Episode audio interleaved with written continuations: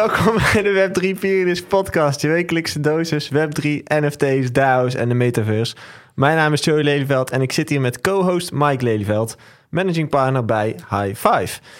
In deze wekelijkse show ontdekken we hoe de digital creators van vandaag de wereld van morgen bouwen. Deze show wordt mede mogelijk gemaakt door High Five, het Web3 agency van bureaugroep Handpicked. En dan de wekelijkse disclaimer. Wij geven geen financieel advies. Web3 kan geweldig zijn, maar tegelijkertijd kan er ook nog heel veel misgaan. Do your own research and don't blame us. Vandaag hebben wij te gast Heiko Huvenaars. Yes. Welkom. Dankjewel voor de invite. Welkom, ja, leuk dat je er bent. Leuk. Founder bij uh, Candor Digital, Techstalk Tilburg. Ja. En uh, onderdeel van Circular Clarity. Of onder, wat, is het, wat je? Dat kon je ja, niet vinden. Nou, Circular Clarity is eigenlijk een netwerk um, van, van ondernemers die okay. ja, eigenlijk allemaal aan het begin staan van die reis in, uh, in de circulaire economie. En dus net als Web3 komt het met allerlei uitdagingen. Dus uh, het is een goede kring om, om daarin er, ja, ervaring met elkaar te delen. Ja, leuk. Ja, ja dus uh, je kunt eigenlijk al... we gaan het vandaag hebben over fashion. circulariteit, of is dat een woord, circulariteit? Zeker. Ja. ja. Circulariteit in de fashion en um, hoe Web3 daar een onderdeel van kan zijn, of is, of gaat zijn. Dat gaan we ontdekken. Maar voor we daarin gaan duiken, uh, kun je ons wat meer vertellen over je achtergrond? Ja, ja ik ben ooit in 2013 technische bedrijfskunde gaan studeren. Mm -hmm. En dat was gewoon puur een, een, een, studie die er goed op stond, zeg maar. Uh, landelijk gezien, verstandige keuze. Uh, mijn ouders, mijn moeder werkte in de zorg, mijn vader werkte in de hydrauliek, is echt een oldschool engineer, zeg maar. En ik wilde eigenlijk werktuigbouw kunnen doen. Maar dat was best wel taai qua wiskunde, exacte vakken. En ik was toch meer creatief onderlegd. En toen was technische bedrijfskunde een goede, ja, goed plan B. Um, ja, en vanuit daar eigenlijk vooral allerlei facetten van bedrijfsvoering leren kennen. En vooral gaan kijken naar, nou ja, hoe, hoe zit zo'n supply chain in elkaar? En daar zit ook meteen de link met fashion. Ja. Um, toen ik uiteindelijk besloot niet meer in de supply chain te werken, um, ja, ging ik kijken naar fashion en dacht ik van waarom is dat zo'n zooitje? uh, dus, Letterlijk, ja. ja. Dus dat is een beetje de link. Oké. Okay. Want, uh, de fashion-industrie is ook een van de vervuilendste industrieën ter wereld, toch? Ja, ja klopt. Het, ja, je zult het, uh, hoop ik, tegen, tegen deze tijd wel uh, een keer voorbij hebben horen komen. Maar het is een, een industrie die in mijn ogen behoorlijk achterhaald is. Uh, ik zie daar vooral het probleem dat vraag en aanbod compleet langs elkaar heen lopen op sommige momenten. Dat zag je tijdens corona heel erg. Uh, overal overstok, overal uh, lagen de outlets vol en uh, werden de fabrieksmedewerkers in, ja. in. Azië niet betaald. Dus ja, dus hoop, en hoop dat dat beter kan. En heeft, heeft dat te maken met hè, als een winkel kleding inkoopt, dan moeten ze dat vaak doen in, ik weet niet wat de naam daarvoor is, maar bepaalde maatgetallen. dus je moet bijvoorbeeld twee S'jes, vier M'tjes, vijf L'tjes en twee XL'tjes doen. Mm -hmm. Dat zijn van die formules of zo, geloof ik. maar goed, die raken niet, vaak niet allemaal uitverkocht. Dus er wordt eigenlijk standaard al over geproduceerd. Ja, je hebt vanuit deze technische bedrijfskunde heb je eigenlijk twee modellen. Hè? Push en pull uh, business modellen. Um, hoe fashion nu nog werkt, hoe retail werkt, is dat het echt een, uh, een push model is. Dus je probeert een inschatting te maken van de vraag en je pusht daar uh, producten ja. naar de markt. terwijl eigenlijk iets als make to order nou, zeker in een Web3 context veel interessanter kan zijn. Want als jij speciaal op jouw item moet wachten, maar je krijgt er heel het verhaal mee verteld, ja, dan ga je een hele andere band opbouwen met, uh, met een product. Dus ja. daar, daar zit denk ik ook een heel groot deel van een, een potentiële oplossing. Ja, en ik kan me ook herinneren, volgens mij was het een documentaire over die enorme kledingstapels in India, volgens mij. Dat ze daar in, uh, in, in zo'n verlaten gebied echt kilometers aan een stuk gewoon Ja. Oude kleding stapelen. Ja, ik ga het proberen uit te leggen in twee minuten. Ehm, hoe, hoe werkt dat? We consumeren in het Westen gewoon heel erg veel. Europa uh, ook steeds meer, ook na corona. Terwijl je zou zeggen, er is meer bewustwording. Steeds meer geconsumeerd. Je hebt de Zara's, wat eigenlijk uh, ja, de eerste generatie fast fashion was. Nu heb je de Sheins, wat volledig... De uh, Sheins? Shein, dat is een, is een Chinese e-tailer, omdat Oh. die eigenlijk geen fysieke winkels hebben. Oh, de En- Alibaba's of zo. Of- Ja, en, en wat, zij, wat zij heel goed doen, is ze hebben allerlei, allerlei data scraping eh, tools, Mhm. waarmee ze dus eh, eigenlijk ja, op basis van wat er op socials voorbij komt, op basis van de trends op, op TikTok, TikTok, Instagram, heel snel kunnen produceren. En zij produceren meer dan duizend eh, items per dag eh, op hun webshop. Dus dat gaat zo snel, dus dat, dat die consumptiedrang alleen maar aangejagen wordt. Nou, wat gebeurt er dan?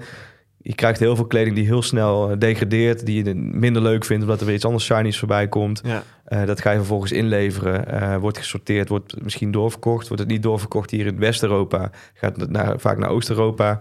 Wacht, want ik, ik, ik, probeer het even te volgen. hoor. Ja, heel goed. Eh, Ehm, ik zit op TikTok, ik zie daar een kledingstuk voorbij komen. Die kan ik kopen bij Alibaba op dat moment. En dan? Ja, dat, en dat kledingstuk wat je dus ziet, dat is dus al gebaseerd, als ik het goed begreep, op basis van posts die andere mensen al zijn. Dus Ja, het is eigenlijk dus- een soort trend-watching, wat Ja. ze doen in de content die wij uploaden. Daar spot zij dus waarschijnlijk automatisch, kunstmatige intelligentie, weet ik het wat. Van felgele patches zijn hip. Ja, spotten zij de trend. Vervolgens produceren zij dus duizend verschillende gele patches. Oké. Die, Die, dus komen duizend producten per dag komen online die platforms, zodat je dus opeens heel veel keuze hebt uit allerlei gele patches. Want, ja. dat, is, want dat is blijkbaar een trend. En die kan je dan ook nog eens dus heel... Die time to market wordt gewoon zo extreem kort door die, door die modellen. Je kunt gewoon heel snel inschatten wat het goed gaat doen morgen in de winkel. Ja, oké. Dus die, ja. die trendspotting is gewoon echt zwaar efficiënt geworden inmiddels. Ja, ja dus, dus technisch gezien zou je kunnen zeggen het is indrukwekkend. Maar ja, als je ziet wat de impact ervan is, Ja. is ja. Is het, en het is natuurlijk ook zo dat ehm, de doorlooptijd van kleding aan zich, als in eh, mensen willen ook gewoon elke dag iets anders aan. Eh, en willen het liefst, eh, vooral eh, veel vrouwen die ik ken althans, zouden het liefst elke maand een heel nieuwe kledingkast willen. Dus ik denk dat het vroeger vooral zo was, je, je had drie pakken en die droeg je tot ze helemaal versleten waren. En nu is het zo, ja, je wil, je wil variatie, je wil ook een eigen identiteit hebben, je wil anders zijn, uniek zijn. Dus de kwaliteit van kleding heeft daaronder geleden, denk ik. Ja. Waardoor het ook sneller kapot gaat. Ja. En dus ook, ja, er wordt, moet meer geproduceerd worden. Ja. Eh, is dat een gevolg daarvan? Ook van, on- van dat soort trendspotting dingen en zo? ja, Snellere industrie? snellere industrie. Fast fashion, hè, noemen ze ja, dat dan? economies of scale. Hè, dus hoe groter de volumes, hoe lager de prijs per product. Hm. Dus die toegankelijkheid wordt steeds groter. Ja, en je hebt zoiets als fysieke duurzaamheid, dus lage kwaliteit die ervoor zorgt dat producten steeds sneller kapot gaan. Maar ook emotionele duurzaamheid. Hoe minder lang jij een product leuk vindt, omdat Ja. je weer afgeleid wordt door een nieuwe trend. Hoe, ja, Ja, hoe minder ja. lang je tevreden bent. En dat komt dus ook weer door een TikTok. Omdat ik op TikTok zit, zie ik constant... word ik getriggerd door nieuwe aankopen te doen. Die algoritmes zijn natuurlijk honderd keer slimmer dan ons.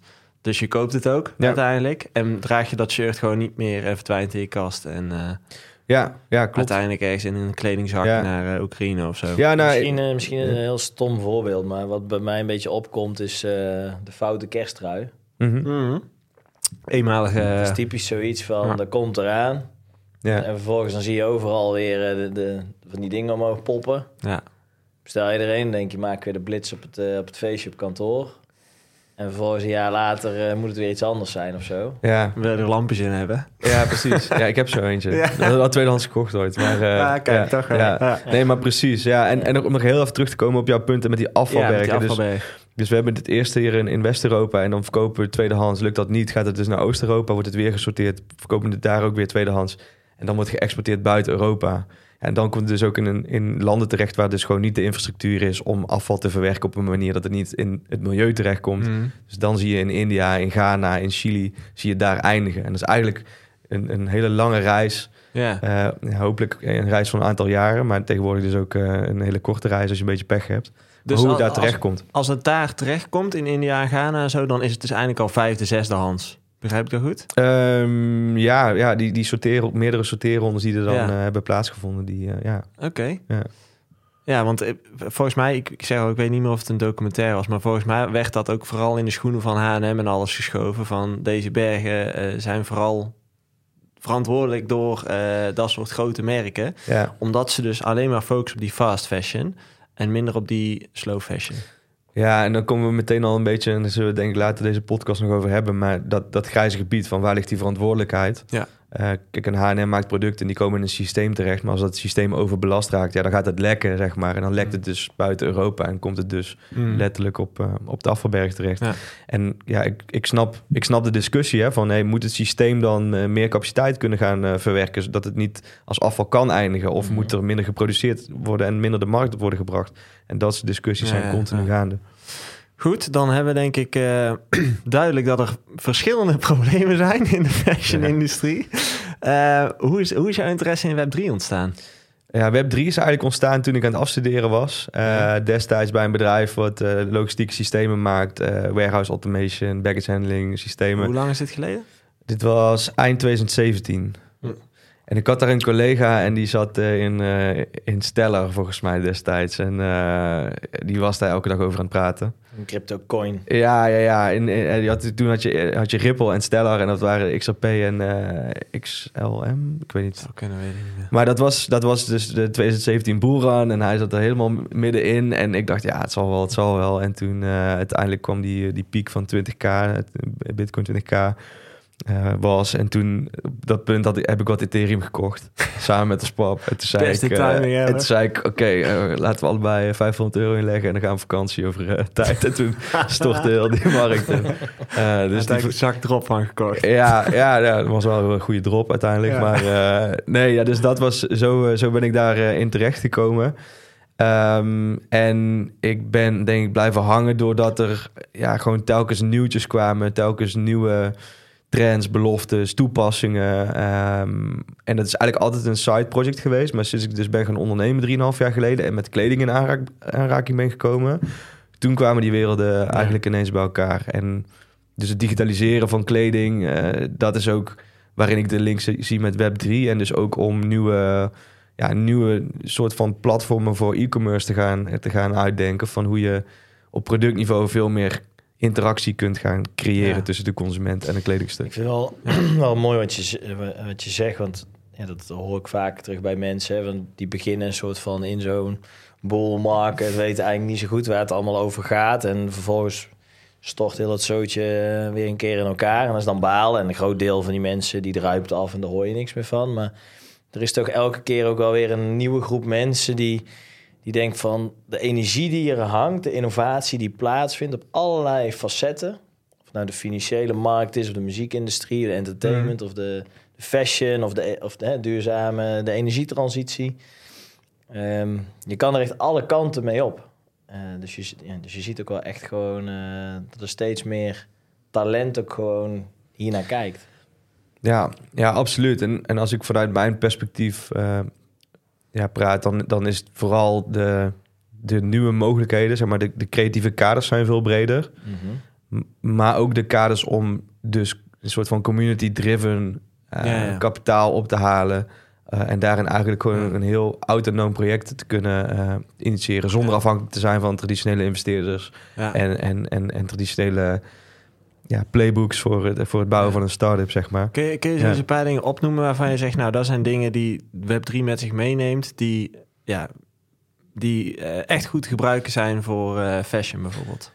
Ja, ik, ik vind zelf de rol van, eh van DAO's, dus, dus de governance in handen geven van, van de keten, Dat vind ik bijz- bijzonder interessant. Want eh, als jij, eh, kijk, als je kijkt naar fashion, dan die discussie over verantwoordelijkheid is continu gaande. Maar in een DAO zou je eigenlijk van begin tot eind die, die verantwoordelijkheid kunnen definiëren. Ja. En dus je zou user-based eh, per, per stakeholder zou je een soort van verantwoordelijkheid kunnen definiëren. En dan kun je als collectief kun je daarmee instemmen in een DAO. Mhm. Ja, Ja. Dus, dus misschien even voor de luisteraar. Een, een DAO is een decentrale autonome organisatie... Wat eigenlijk, waarin je de regels die je eigenlijk afspreekt met elkaar...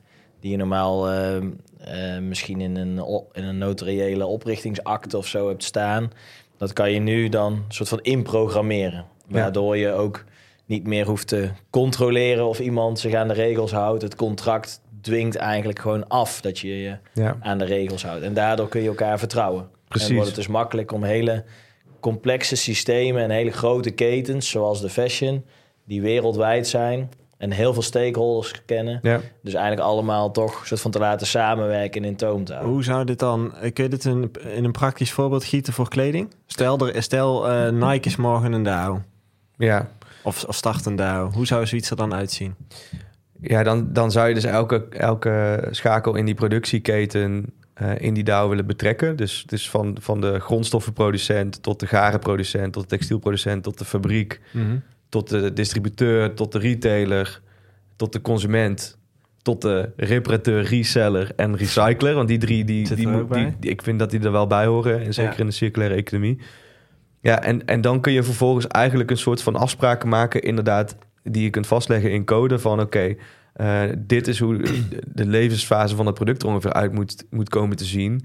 Uh, willen we echt ja, een duurzame levensfase ondersteunen. Dus daarin, daar, wat ik daarin heel interessant vind, is als jij dus al die uh, spelers, al die stakeholders online brengt en je creëert unieke productnummers, dat jij zeg maar die interactie kunt gaan ja, dirigeren wil ik niet zeggen, want het doet zeg maar die DAO. Dus het is een soort van mhm. afspraak onderling. Mm. Van zo, gaat, zo gaan we met het product om. Ja, dus het moet aan bepaalde dingen voldoen. Ja. Dus ik noem maar wat, uh, hij mag niet uh, in, uh, in een bepaald bad gekleurd zijn. Een bepaalde kleur, dan moet het een anti-gif zijn of weet ik veel. En dan kunnen we dus zien in, in die token of dat dat product in dat bad gedipt is of in een ander bad. Of... Ja. En is het dan een soort van uh, productpaspoort, moet ik het zo zien? Ja, zeker. Dus ja. elk kledingstuk heeft nu ook een barcode, wat een uniek nummer is. Ja. En, en alleen dan wordt dus schei, straks ga je dus eigenlijk individueel op stuksniveau. Dus elk item, ja. elk uniek item. Ja. Dus trui in het groen, maat M, Jouw trui. jouw trui. Ja, ja, jij, jij, gaf toen straks uh, uh, in het voorgesprek, toen jij er nog niet, nog niet was, hadden wij het er even kort over. Toen zei je ook, we hebben nu barcodes. Daar zit wat van data achter. Als je dat ding scant kun je iets zien.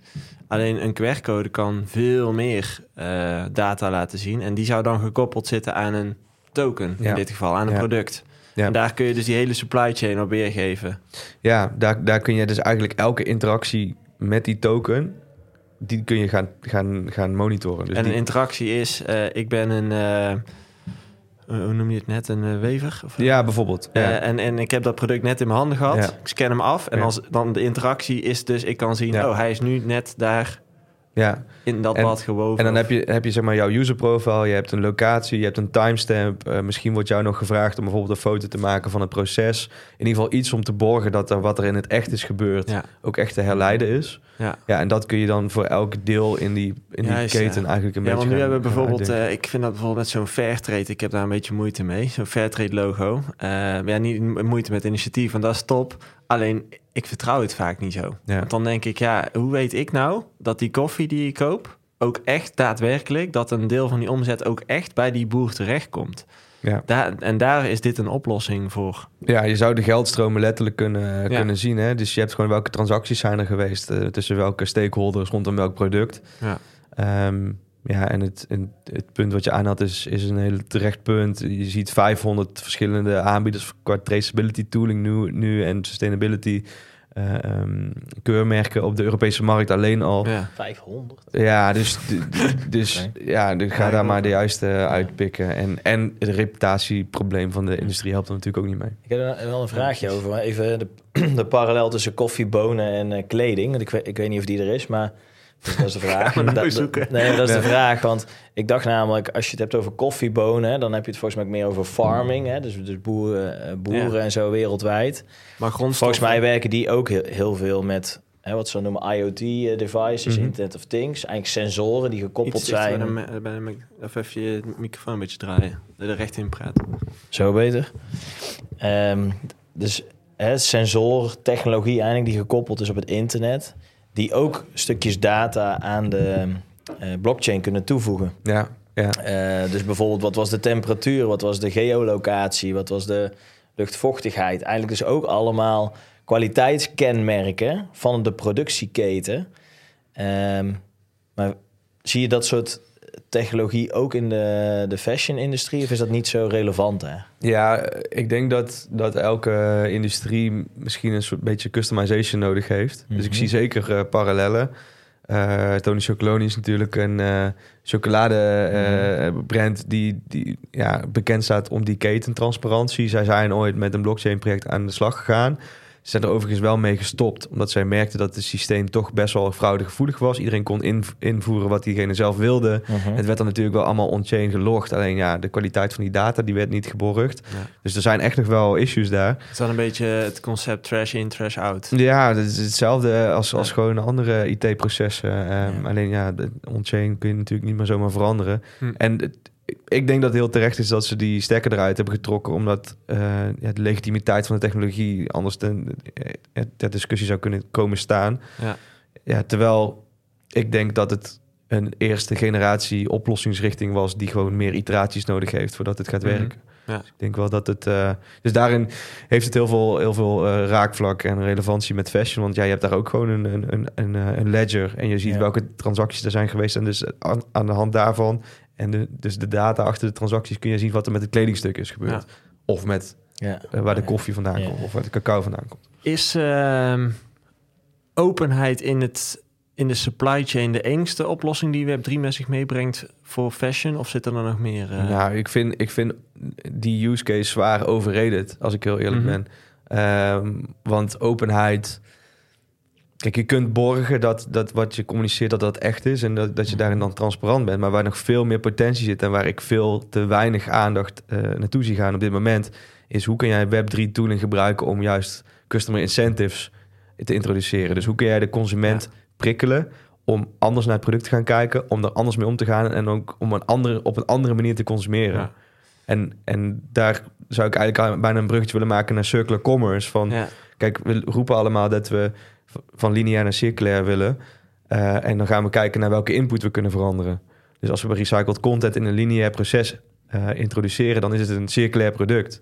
Terwijl eh, in mijn ogen circular commerce er veel meer over gaat van hoe maken we reparatie, resale, recycling, Ja. rental, eh, swappen onderling. Hoe maken Ja. we dat veel interessanter? Kijk, en als je dan naar Web3 gaat kijken, dan kun je dus peer-to-peer swaps van die items en dat soort dingen kun je gaan, Ja. gaan, gaan Dus introduceren. meer over de, de, de beloningsstructuur. Die, hè, die mogelijkheden, die, de, eigenlijk de efficiency van het belonen.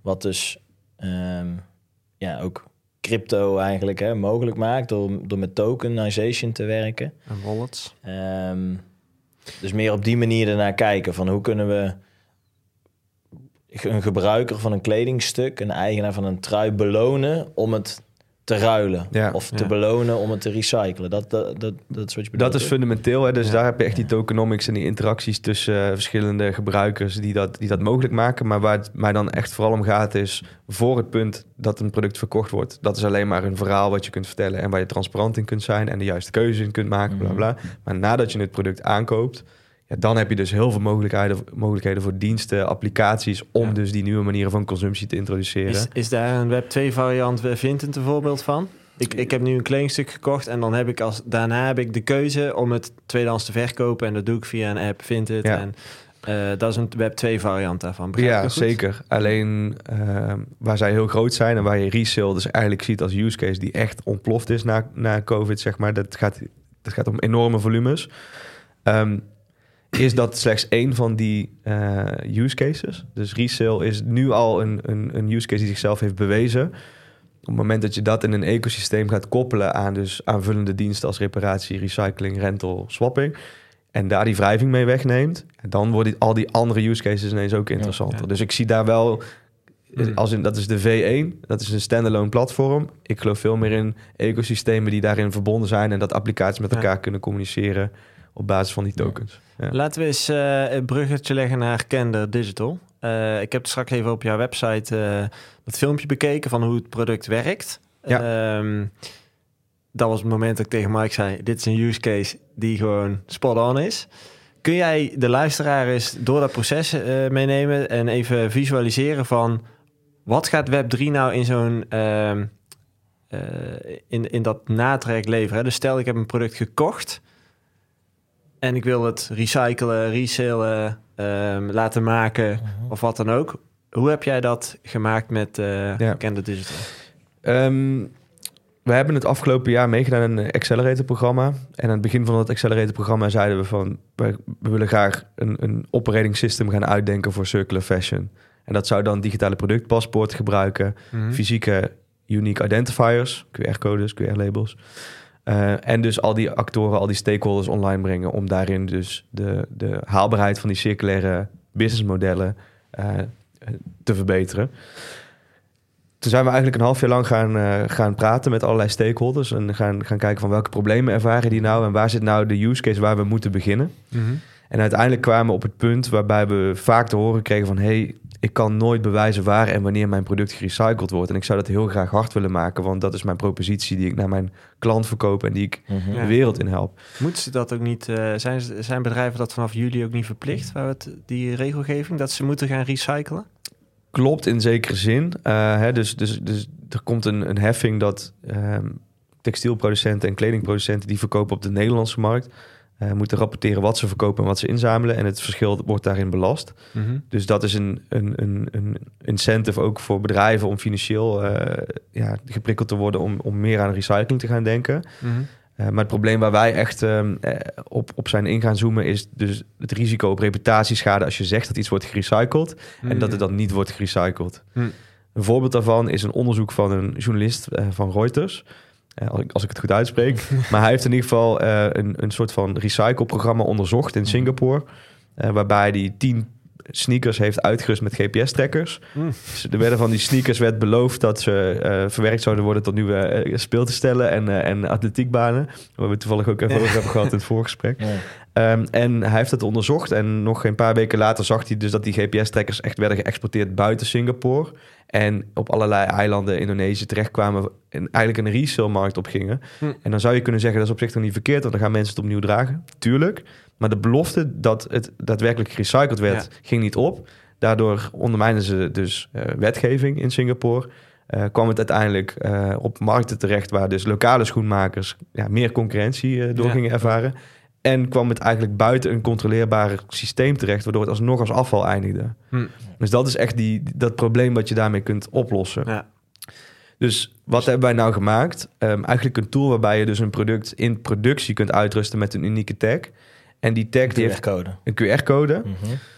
En die heeft dan interactie met de consument. Eh, de brand maakt die QR on-chain aan als een identiteit. Die verkoopt die eh, online identity dan eigenlijk aan de consument. Die kan hem aan een wardrobe toevoegen. Dus een soort Ja. van applicatie waarin Ja, je dus ik heb een online account. Hè, als ik het even plat sla. Ik had een website. Daar heb je, zie je eh, online eh, kledingkast. Mhm. En inderdaad, daar stonden al jouw items in. Daar zag ik gewoon dan staan van... ik heb een wit shirt, ik heb een blauwe broek van dat merk... ik heb die maat, die datum gekocht. Ja. Dat zie je gewoon allemaal overzichtelijk in jouw online kast. Ja. Dat is jouw wallet uiteindelijk, hè? Ja, dat is je aan je Is het dan zo dat Joey eh, in zijn voorbeeld, die koopt een paar nieuwe schoenen. Daar, zit, daar ziet hij zo'n QR-code aan de binnenkant van die schoen zitten. Die scant hij met zijn telefoon en dan komt hij in Joey's een digitale kledingkast. Ja, en dan zit natuurlijk wel een soort van eh, two-factor authentication Ja, achter. hè? Want je wil dat maar eenmalig dat maar één consument die het Ja, ja. product ook heeft gekocht. Dat dacht ik net. Ik Ja. denk, hoe ga je dat dan Ja. doen inderdaad? Eh, maar inderdaad, het komt in een, in een digital wardrobe. En dat is eigenlijk een, een, een, ja, een, een, een variant van een crypto wallet. Ja, een virtuele Ja. kledingkast eigenlijk. Ja, Als een soort, ja. Ja, dus, dus die komt in je, in je kledingkast. Eh, nou, vervolgens eh, zit hij daar als het goed is een, eh, een aantal jaar en heb je veel plezier van het product. En uiteindelijk kun je hem aanmelden voor recycling. En dan zie je dus waar in de buurt je hem kunt, kunt droppen. Of er komt een logistieke integratie, maar zover zijn we nog lang niet hoor. Maar dat je dus zeg maar een soort van eh, ehm, label kunt uitprinten of Mhm. iemand komt het product ophalen. Ehm, en dan gaat het vervolgens naar een door, door het systeem aangewezen recycler. En die kan dus die QR met dat, die digitale identiteit weer uitchecken. En die burnen. Die Eh, burnen. en daarmee heb je eigenlijk een soort van certificaat van recycling. Dus je kunt, en dat kan vervolgens de consument inzien, de, de brand communiceren naar, ja. Mhm. eh, naar autoriteiten van hey kijk, dit is waar mijn producten gerecycled Ja. worden, dit is wanneer, waar, door wie eh, en dat. Dus dat kun je on-chain trekken. Best wel een complex verhaal, denk ik, als je er nog nooit eerder over hebt gehoord. Dus wat we daarbij ook eigenlijk merken, is dat we. het is eigenlijk een, een feature die daar nog bij komt kijken, waarvan wij dachten. Logisch en, en tof dat het nu mogelijk is, maar die recycling is, vonden wij het belangrijkste. Maar je kunt vervolgens een statiegeld trigger koppelen aan die recycleactiviteit. Ja. Dus als een recycler het product ontvangt, kan zowel ja, de recycler als de consument bijvoorbeeld beloond worden. Dus, dus, dus bij, het min, dat? ja, bij het minten van het product Ja. Kan de brand dus ook al zeggen van ik vind het belangrijk dat, er, dat, dat uiteindelijk het product goed terechtkomt. Ik investeer een x Mm. aantal tokens Mhm. qua waarde x aantal euro ehm, in het product zelf. Dat programmeer ik op dat paspoort. Mhm. Ja, en, en dan zeg ik vervolgens zeg maar in het smart contract zet ik van hey, eh, dat kan eh 50% daarvan kan door de recycler worden terugverdiend en 50% gaat naar de consument als Ja. het gerecycled wordt. Dus Maar even, even, even plat slaan en makkelijk maken. Ehm, Nike maakt een shirt, die verkopen ze voor 30 euro. Maar ze programmeren daarin 5 euro statiegeld als het gerecycled wordt. Vervolgens na drie jaar wil ik dat ding recyclen. Mijn shirt wordt naar iemand, een recycler, eh, verstuurd. Die wordt uitgekozen door dat programma. Hij wordt gerecycled en dan staat in dat contract al 5 euro mag verdeeld worden tussen degene die het shirt heeft gedragen en degene die het gerecycled heeft. Ja. Klopt het helemaal? Ja. En dat wordt ook direct gewoon via dat contract uitbetaald in mijn wallet en in die recyclers wallet. Ja, ja. Ja. dat is het idee. Top. Wat, ik, wat ik daar nog... eh, misschien is het een idee. Of misschien heb je er nog wel of niet ooit over nagedacht. Maar ik, ik, ik zit nog even te zoeken hè, van... ik pak even het voorbeeld... eh, je, hebt, je koopt een eh, flesje Coca-Cola bij de tankstation. Er zit ook statiegeld in. Veel moeite. Auto ligt vol met zooi. Vulle bak. Sst, Weg ermee. Ehm, dan ontbreekt een beetje de... eh, hè, dus mijn vraag is eigenlijk... Is statiegeld voldoende trigger voor mensen om hun producten te recyclen? Of zou het een idee zijn dat je dus ook kan zeggen: ik koop dat Nike-shirt fysiek, ik scan die QR-code. Het is niet alleen toevoegen aan je, aan je, eh, aan je wallet, hè, dat die in je, in je virtual wardrobe eh, komt, maar dat je dus ook de digital twin, dus de NFT hebt van dat kledingstuk, waarmee je dus de metaverse of een Skype call of een FIFA of Call of Duty in kan Ja. lopen. Ja, ja. Zie, zie je die parallellen ook? Ja, of is zeker. Dat, ja. ja nou, het, Want dan claim je namelijk ook echt een, een, een product, zeg maar. Dus niet alleen statiegeld, Ja. maar dan Digitaal product. creëer je meer use case. Ja, maar je zou de- dat zijn dus die incentives voor rewards. Hè. Je, je kunt het gewoon. Kijk, stel je hebt nog een soort van random mint die je, eh, als je je token burnt, dus recycled, je kledingstuk recycled, dat je dan in je wallet een soort van digital eh, reward krijgt. Mhm, Dat je balans opbouwt eigenlijk. Ja, of eh, je, Ah, ja. je, kunt, je kunt ook zeg maar ehm, je hebt bepaalde customer loyalty programma's gaan bedenken waarin je eigenlijk als het ware eh, een, een soort van meegenomen wordt in die circulaire transitie van hey, als je x aantal producten Ja, ja. op die manier eh, hebt gerecycled of x aantal producten hebt gehuurd of wat dan ook, dat je dan eh, perks krijgt en misschien ja, of dat dan een, een digital fashion item is in, in Decentraland of Ja. Wat dan ook. Ja, dat maar, kun- maar zou zoiets ja. niet vanuit de overheid opgezet kunnen worden? Als in, stel, de overheid zegt wij gaan een recycling eh, platform bouwen... waarin je inderdaad zo'n loyalty systeem gaat bouwen... dat jij als consument wordt geïncentiviseerd om alles wat recyclen valt... ook echt daadwerkelijk gaat recyclen. Dus voor een shirt krijg jij 10 punten, voor een, een blikje krijg jij een half punt... voor een flesje 1 punt. Heel het jaar door spaar je punten. En met die punten kan ik uiteindelijk... maken ze deals met de Efteling of weet ik veel. ja. Dat ik eh, korting kan krijgen op dat soort dingen. Nou, ja, dit, Ik dit weet, is, is, ik weet niet of dit heel makkelijk te ja, maar dit- is, dit is denk ik waar het, eh, waar, waar het gevoelig eh, komt te liggen. Hè? Van, want, want, want wie, ga je, wie wordt eigenaar van zo'n systeem? Wie is die architect? Ik denk echt dat het een community-driven initiatief moet zijn.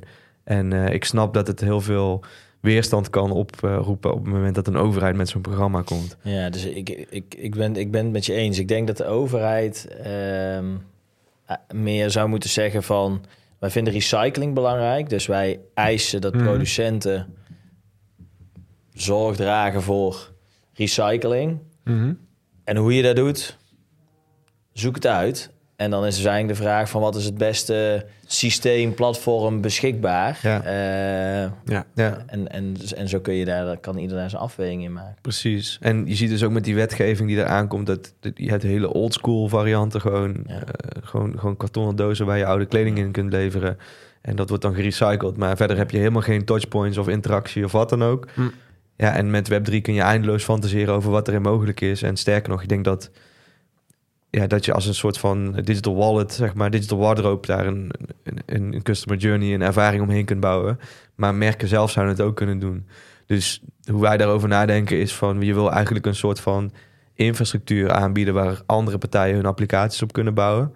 Ehm, zodat zeg maar de transactievolumes op zo'n systeem of in, in zo'n netwerk Toenemen. natuurlijk toenemen. Dan krijg je netwerkeffect en adoptie van de... de, Precies, ja. En, en dan heeft dus ook elk merk de creatieve vrijheid om voor die doelgroep de beste ervaring eh, Ik denk dat dit een beetje een parallel is voor de luisteraars met wat eh, Maarten Bloemers van Get Protocol en Guts Ticketing zei. Mhm. Van, hè, ze hebben eigenlijk de, de eigen tooling, eh, dat is Guts, maar uiteindelijk is het ook een protocol wat ook Ja. Ticketmaster en Eventbrite en iedereen op aan de slag mag. Uiteindelijk is het gewoon de bedoeling om een betere ticketmarkt te creëren waar iedereen eh, Ja. profijt van heeft. Ja, Is het dan ook zo dat jullie ehm, de wallets en zo aanmaken voor, voor mensen die, eh, Daar ma- maken ze een account aan op jullie website? Of hoe werkt dat precies? Ja, dit is, dit is ehm, kijk, de uitdaging ehm, voor ons zit hem er heel erg in van, kijk, we hebben het nu over mogelijkheden en wij zien die mogelijkheden. Maar de fashion-industrie is best wel conservatief. Sterker nog, een heel groot deel van de fashion en de retail heeft er baat bij dat dingen nu gebeuren zoals, zoals ze gebeuren, wat je Ja. vaak hoort. De uitdaging zit hem in de vertaalslag van die technologie naar de toepassing eh, in real life, zeg maar. En daarin moeten wij heel erg op zoek naar de juiste brand, de juiste groep consumenten die dit snapt. Dus echt die early evangelist, als je dan in start-up termen praat. Mhm. Wie, hier als, ja, wie durfde hier als, meer, als eerste mee aan de slag te gaan? Ja. Nou, ik moet zeggen, we, we zijn in gesprek met wat merken die, die dit interessant vinden. Eh, en ik denk dat we daar, eh, daar echt wel de juiste partijen in aan het vinden zijn. Eh, maar dat wil niet zeggen dat zij ook meteen Web3 native zijn of makkelijk zijn met, Ja. met die technologie. Ehm, eigenlijk wat je wil is dat je qua user experience alles achter de schermen laat gebeuren, zodat iedereen het kan. Ja. Ja. En ik denk dat het een heel universeel probleem is of uitdaging is in Web3. En dat zien wij ook. Dus wij denken ook heel erg na van... Kijk, wij praten, wij praten niet in termen als NFT's. Wij praten niet in termen als tokens. Omdat die, de markt daar echt nog niet klaar voor Nee, is. precies. Ehm, en ik denk ook dat ze daar nooit klaar voor komen. Want als we bij die, bij die massa komen, weet je, die hebben het ook niet over eh, PHP-websites of JavaScript-formulieren. Of, eh, nee, nog steeds klopt. niet, nee, ja, al, no-code, die no-code beweging. En Ja. ik, ja, ik, natuurlijk maken wij, hebben wij die walletadressen nodig om die interacties te kunnen, te kunnen faciliteren. Alleen wij proberen dat wel in een front-end omgeving te doen, dat, dat, dat iedereen dat zou kunnen doen. Ja. Dus daar zit echt de, dus het protocol zelf, hè, dat wordt allemaal open source en, eh, en transparant en iedereen kan erop bouwen. Maar ik denk dat de, de, de waarde echt zit in het vertalen van het protocol naar de, naar de gebruikservaring. Hm. En daarin zou ik dan ook iedereen willen uitdagen en uitnodigen om daar, eh, ja. daarmee aan de slag te gaan. straks. Ja, dat is Ja. inderdaad wat je zegt. Een probleem wat we eigenlijk bij heel veel gasten van de podcast... ehm, dat is eigenlijk het ding waar de industrie op dit moment denk ik het meest tegenaan loopt. We komen uit een fase waarin alles was ineens een NFT, weet je wel. En al die termen werden om je gezicht gegooid. Maar eh, de laatste jaren is de consensus toch wel eh, dat we van die termen af moeten. En dat we vooral moeten gaan kijken naar hoe kan iedereen dit gaan snappen... zonder te, te weten wat er aan de achterkant allemaal Maar gebeurt. wat ik ook in mijn, in mijn, mijn eh, hoofd een beetje aan het loslaten ben of zo, of in ieder geval waar ik me steeds meer bewust van word de laatste maanden, is voorheen zag ik een wallet echt als een soort van, oh, die heb je één en daar komt dan alles in binnen. Alleen, ik kom inmiddels zoveel toepassingen tegen, dat je, volgens mij heb je straks gewoon misschien wel tien apps met tien wallets. Hm. Ehm, alleen de ene app is mijn bankieren-app. Dus daar zit een financiële wallet in. En die hele UX-beleving is helemaal soort van geoptimaliseerd om bank of, of betaaltransacties te doen. Maar misschien heb je ook wel een app wat zo'n zo'n virtual wardrobe is, waar je gewoon je kleding eh, in scant en managt. En je hebt misschien Ja. ook wel een, een, eh, een, een app als inbox. Ja. Wat, wat nu je e-mail-client is, Voor waar straks gewoon communicatie en zo op binnenkomt. Ja. En, en, Ja, ja. en, en een app voor je, voor, je, voor je virtual art. Of Ja. misschien zijn straks al je foto's wel een soort Ja. eh, NFT om Ja. deepfakes en AI en zo tegen te Ja, maar dat is een interessante natuurlijk. Hè? Want daar, hoorde ik eh, volgens mij vorige week ook van. Dat, dat was eerst nog niet zo'n probleem. Maar nu we inderdaad die deepfakes en die AI krijgen... is dat ineens een use case die veel, veel meer potentie heeft gekregen. En ook Ja. veel meer begrip, denk ik, eh, heeft gekregen. Mm. Ja. Ja, zeker. Want we gaan nu niet het onderwerp van de podcast switchen. Maar inderdaad, dat merk ik ook veel in gesprekken. Mensen zeggen, oh, allemaal leuk, leuk. Allemaal nieuwe dingetjes, spannend, leuk. Maar weinig urgentie voor. Ja. Maar als je het hebt over AI en deepfakes en zo... dan hebben mensen opeens zoiets van... ja, dit, this creeps the shit out of me. Ja, weet je wel? ja, ja. Nu als, op we dit dit, als we moment. dit kunnen Ja. oplossen, graag. Ja. Maar dus, dus het valideren wordt steeds belangrijker van, Ja. van content. En als je dat dan weer terugbrengt naar kleding... het valideren van, is het, een, is het echt Ja. van dat merk? Is het ja, echt daar validatie gemaakt? in het algemeen. Hè, van, Ja. eh, en, en ook gewoon Is het echt? het herleiden. Want dat is denk ik iets waar ehm, onze, vanaf onze leeftijd en jonger... eh, is dat een vraagstuk en een ding waar mensen op letten. Kijk, ik denk dat oudere mensen over het algemeen zich daar iets minder mee bezighouden. Maar de jeugd is echt wel bezig met... waar komt mijn merk vandaan? Waar komt mijn koffie vandaan? Waar komt mijn chocola vandaan? Eh, daar, wil, daar willen ze weten en daarop baseren ze ook de aankopen. En dat wordt denk ik steeds belangrijker ook in de toekomst. Ja, Dat je als merk zijnde echt moet gaan kijken naar, eh, ja, naar die, die supply Ja. chain inderdaad. Ja, en dan heb je het nu over de, de, de behoefte bij de consument. Is het sociale druk, maar ook de politieke druk. Hè. Dus de, Ook, de komen, de, een punt wat ik heel vaak hoor is van... Ja, hoe ga je unieke tags in elk product krijgen? Hoe ga je unieke QR-codes in elk product krijgen? Dat gaat toch niemand doen? Wel als de EU dat letterlijk wettelijk gaat verplichten... Ja. wat ze gaan doen vanaf volgend jaar. En waarschijnlijk in 2030 zul je het overal zien. Ja. Maar wat ik ook niet zo goed, eh, of, of tenminste, ik ben een technologie-optimist, hè, anders zat ik hier niet. Maar ehm, het, het, het voelt allemaal ook een beetje soms als van hè, producenten of zo willen niet, of het gaat ze geld kosten, want we gaan dan zeggen minder eh, produceren. Maar het- een item wat wij ook vaak hebben besproken, en dan is denk ik de meest gebruikte use case, eh, is dat project van Nike, is dat je eigenlijk zegt van Mhm. hey, Hè, digital fashion creëert een hele nieuwe productcategorie voor producenten. Dus waar je voorheen alleen eh, fysieke items produceert, kun je opeens ook een hoop digital eh, fashion. Ja, een Verkopen. nieuwe, nieuwe bron van inkomsten. Dus, dus daar zou toch een gigantische markt moeten zijn. eh combineer dan met gaming, wat ook gigantisch is. Hm. Ik vraag me, ik- ik snap wel dat er echt nog best wel wat bruggetjes gebouwd moeten worden. En dat het waarschijnlijk deels ook nog wel een generatie dingetje is. Hè. Mijn ouders die zitten echt niet te wachten op een virtuele sweater. Ja. Maar ik denk als je dit echt even 10, 15 jaar vooruit eh, schopt, het balletje. Ja. Dan denk ik dat die, die markt, die, die zou echt eh, gigantisch eh, moeten zijn. Ja, ja, ze noemen dat eigenlijk digital lifestyles. Hè? Van je Ja. hebt een, in, in online identiteit, offline identiteit en digital fashion, physical fashion. Ja. En je hebt ook die hybride vorm. En ik denk, daar zitten wij meer op. En ik zou eigenlijk even een bruggetje willen maken. Je had het net over dus die tien verschillende apps met verschillende wallets. Eh, kijk, wij, wij partneren met, eh, met Luxo protocol. Hè? Dus Mhm. Luxo is de blockchain voor de New Creative Economy. Mhm. En zij zeggen van, ehm, wij, wij, wij maken bepaalde standaarden waarmee dus dit soort lifestyles mogelijk worden. Dus die fysieke, digitale identiteit van, met, met onder andere fashion. En zij hebben daar dus een aantal standaarden voor. Dus ze hebben universal profiles. Dus eigenlijk een beetje het idee van, van wat nou als we een wallet maken... eh, waarmee je eh, ja, identiteit kunt valideren... en daarmee interactie met applicaties en, en, en platformen kunt, eh, kunt stroomlijnen. Die, die vinden wij heel interessant, want dan kun je dus... Daar bouwen wij nu op, omdat we daar unieke user access rights... Hè, dus rechten Mhm. aan die profielen kunnen geven... afhankelijk van of je een producent bent of je een consument bent... Op die manier kunnen we dat ehm, ja, bouwen, dat dus die interactie daar gaat, gaat plaatsvinden in die circulaire keten. Ze hebben NFT 2.0's. En dat is eigenlijk een, een, een standaard waarbij je na het minten van een NFT eh, de metadata van die NFT nog kunt aanpassen. Dus als er weer interactie plaatsvindt met die token, met bijvoorbeeld een, een recycler, dan kun je dus die NFT eh, eh, laten verrijken. Of ja, verrijken of Ja. aanpassen. Ja. Daar kun je ook weer bepaalde triggers in, in aanbrengen. Dus dat maakt het dus ook mogelijk om statiegeld te triggeren op het moment dat er gerecycled wordt. En zij werken met eh, eh, cultural currencies. En dat is eigenlijk gewoon een, eh, een mogelijkheid om als, ja, als platform wat je, wat je bouwt op, op hun infrastructuur, dus ja, bijvoorbeeld te gebruiken om, om statiegeld te introduceren. Ja. En dan kun je aan stablecoins denken, maar je kunt natuurlijk ook aan, aan, aan governance-related Mhm. tokens Ja. denken. Dus dat jij jouw stake, hoe meer jij bijdraagt aan die circulaire economie, hoe meer eigendom er Ja. verdient. Ja, dat zijn natuurlijk super interessante mogelijkheden die, Mooi, ja.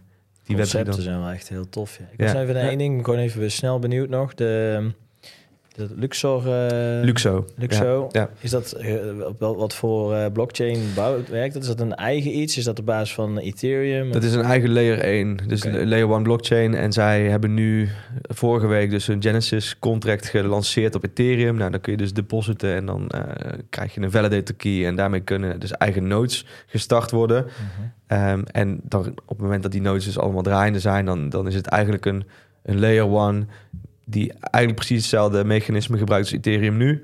En volgens mij ook in de toekomst ook gaat kijken nog naar die, naar die updates die daar gaan Hoe noemen ze dat? Is dat EVM-based? Is dat... Eh, eh, ja, ja, precies. EVM-based. Ja. Ja. ja. En, en het is ook misschien leuk om te zeggen, maar die eh, Fabian Vogelsteller, de founder van Luxo, is ook een van de core eh, teammembers geweest van Ethereum destijds. Ah, Oké. Dus daar zit ook de parallel waarom het zo heel, zoveel Ja, lijkt op Ethereum. En dus ook kan eh, interacteren Ja, met precies. Ethereum. Dat is wel een slimme gast dus. Ja, dat, eh, Hopen we dan. dat, ja. dat denk ik wel, ja. Even afsluitende vraag, want we zitten alweer eh, bijna aan de tijd, zie ik. Ehm, heb jij een hoop, laten we het zo even noemen, ehm, als in in wat voor tijdspan hoop jij dat dit allemaal ehm, in werken, dat wij dit in ons dagelijkse leven gaan zien? Ja. Heb je daar een, een, een, een, een beeld bij? Ehm, Tijdlijn? Ja, ik kan, ik kan de meest realistische tijdlijn wel schetsen. Ehm, en dan zal ik vervolgens zeggen wat, waar ik op hoop natuurlijk. Maar de meest realistische tijdlijn is dat er in 2024 dus eh, wetgeving wordt aangekondigd vanuit de EU... die het verplicht maakt om unieke ID's eh, Mhm. fysiek in kledingstukken aan te brengen. Alleen dan mag je verkopen op de Europese markt. Dus dat is die trigger om in die richting te gaan denken. Dat is die UPV, eh, of Nee. is dat weer iets nieuws? Dus het is iets anders. Oké, sorry. Uh, UPV is echt een Nederlandse wet en, en Ah, dat ja. is ook, uh, hij heeft ermee te maken. Maar de Eu- Europese Unie zegt gewoon: wij willen naar een Digital Product Passport System toe. Dat moet decentraal zijn, dat moet meerdere aanbieders kunnen hebben. Dat begint in 2024. Hm. In 2030 gaan we de eerste datasets zien qua productpaspoorten die volledig compleet zijn met de juiste informatie. En in 2035 plus gaan wij Ja, ja. mainstream adoption zien van die paspoorten. Dat iedereen Ja. weet wat ze zijn. Dat elke uithoek van. Europa en dus ook uiteindelijk buiten Europa die, die tech in handen gaat krijgen. Dat is 2035 ongeveer. Nou, die tijd hebben wij denk ik niet. Ik denk hoe eerder wij die use cases aan kunnen tonen en hoe eerder wij eh, een bepaalde product market fit gaan vinden tussen iets wat werkt, waar mensen enthousiast over worden, waar mensen over gaan praten, hoe sneller dat zal gaan. Ja. En ja, ik geloof er gewoon heel erg in dat het vooral erg leuk moet zijn. Die, die ervaring moet nieuw zijn, die moet Ja. waardevol zijn. En ehm, ja, daar zijn wij naar op zoek.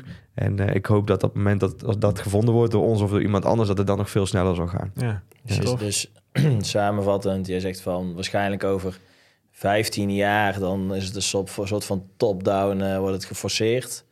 Maar de hoop is eh, dat we binnen 7, 8 jaar dit hebben staan. Ja, en ik, Ja. ik, ik, ik- het kost ook veel meer tijd en energie om het top-down te forceren. Dus ik denk eh, dat als je kijkt naar welke kaders er geschetst worden en je gaat daar creatief in eh, aan de slag met concepten en projecten, ja, dat is denk ik de way to go. Ja. Ja, tof. Thanks voor vandaag. Ik vond het Ja. een eh, inspirerend verhaal. Ja, Een Top. leuke hoek om te verkennen zo met Web3. Want ik denk dat de, de, de vergroening, de circulariteit... eh, is iets wat enorm speelt in de maatschappij. En, je ook vanuit de Web3-gemeenschap steeds meer eh, ziet gebeuren. En ik, ja, wat ik al zei, ik vond dit een heel eh, treffende use case om eens te laten zien. Ik zal ook de link naar jouw website, waar, waar dat videootje op staat, bijvoegen in de show notes. Ehm, omdat voor sommige mensen misschien het zien, Ja. het beeld misschien helpt. Ja, zeker. Eh. ja, en ik, ik, ik- normaal zou ik zeggen van als je nieuwsgierig bent, ehm, stuur ons een DM op Twitter. Ehm, dan kun je mij volgen of kun je onze bedrijfsaccount volgen. Maar daar, daar is waar we het meest actief zijn op dit ja. moment. En eh ja, dankjewel voor de invite. En ik vond het Ja. vooral eh, prettig om een keer ook een beetje mezelf de vrije loop te kunnen laten gaan in die terminologie. Ja, Want Web 3, wat ik al zei, dat is ligt een beetje gevoelig. Eh, of ja, dat is gewoon nog niet zo bekend Ja, in fashion. zeker. wat is Dus, je, wat is je. Twitter-handle? Ed Heiko Huvenaars. Heiko Huvenaars, Ja. mooi. Gaan we doen. Hartstikke bedankt. Jullie ook? Tof, dankjewel. Dankjewel. En, eh, wij gaan zo weer even de weekly doorbespreken. Eh vond je dit nou een leuk onderwerp? Of een leuke podcast? Of luister je graag? Of zit je elke week smachtend te wachten op woensdag... totdat die nieuwe aflevering weer Vind je online de komt? planeet belangrijk? Ook dat. Zorg dan dat je eh, ons even abonneert. Op welke platform je dan ook luistert. Help je ons enorm mee. En, eh, en En de aarde. en de Heiko. aarde. Eindelijk iedereen. Hartstikke bedankt.